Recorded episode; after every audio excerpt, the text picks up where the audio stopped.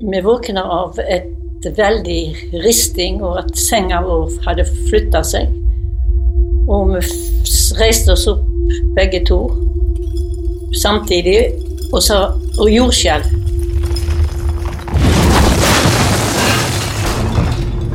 Natt til onsdag 26. mars 2008 våkner Elsa Peggy Eldøy av et brak. Hun bor i sjette etasje i ei bostadblokk i Ålesund. Hva er det som egentlig har skjedd? Hun forstår fort at hun må ringe etter hjelp. Kan vi få hjelp? Ja, hva det hjelper du? Huset vårt ramla ned. Huset ramla ned? Ja, fjellveien ramla ned på huset i Fjelltunveien 31, og vi er innestengt mye folk. Og Ei 1400 kubikk stor steinblokk av byfjellet Aksla har rasa ut og truffet bygningen. Men fjellet skulle jo være trygt. Dette blir starten på en av de mest krevende og langvarige redningsoperasjonene i Norge.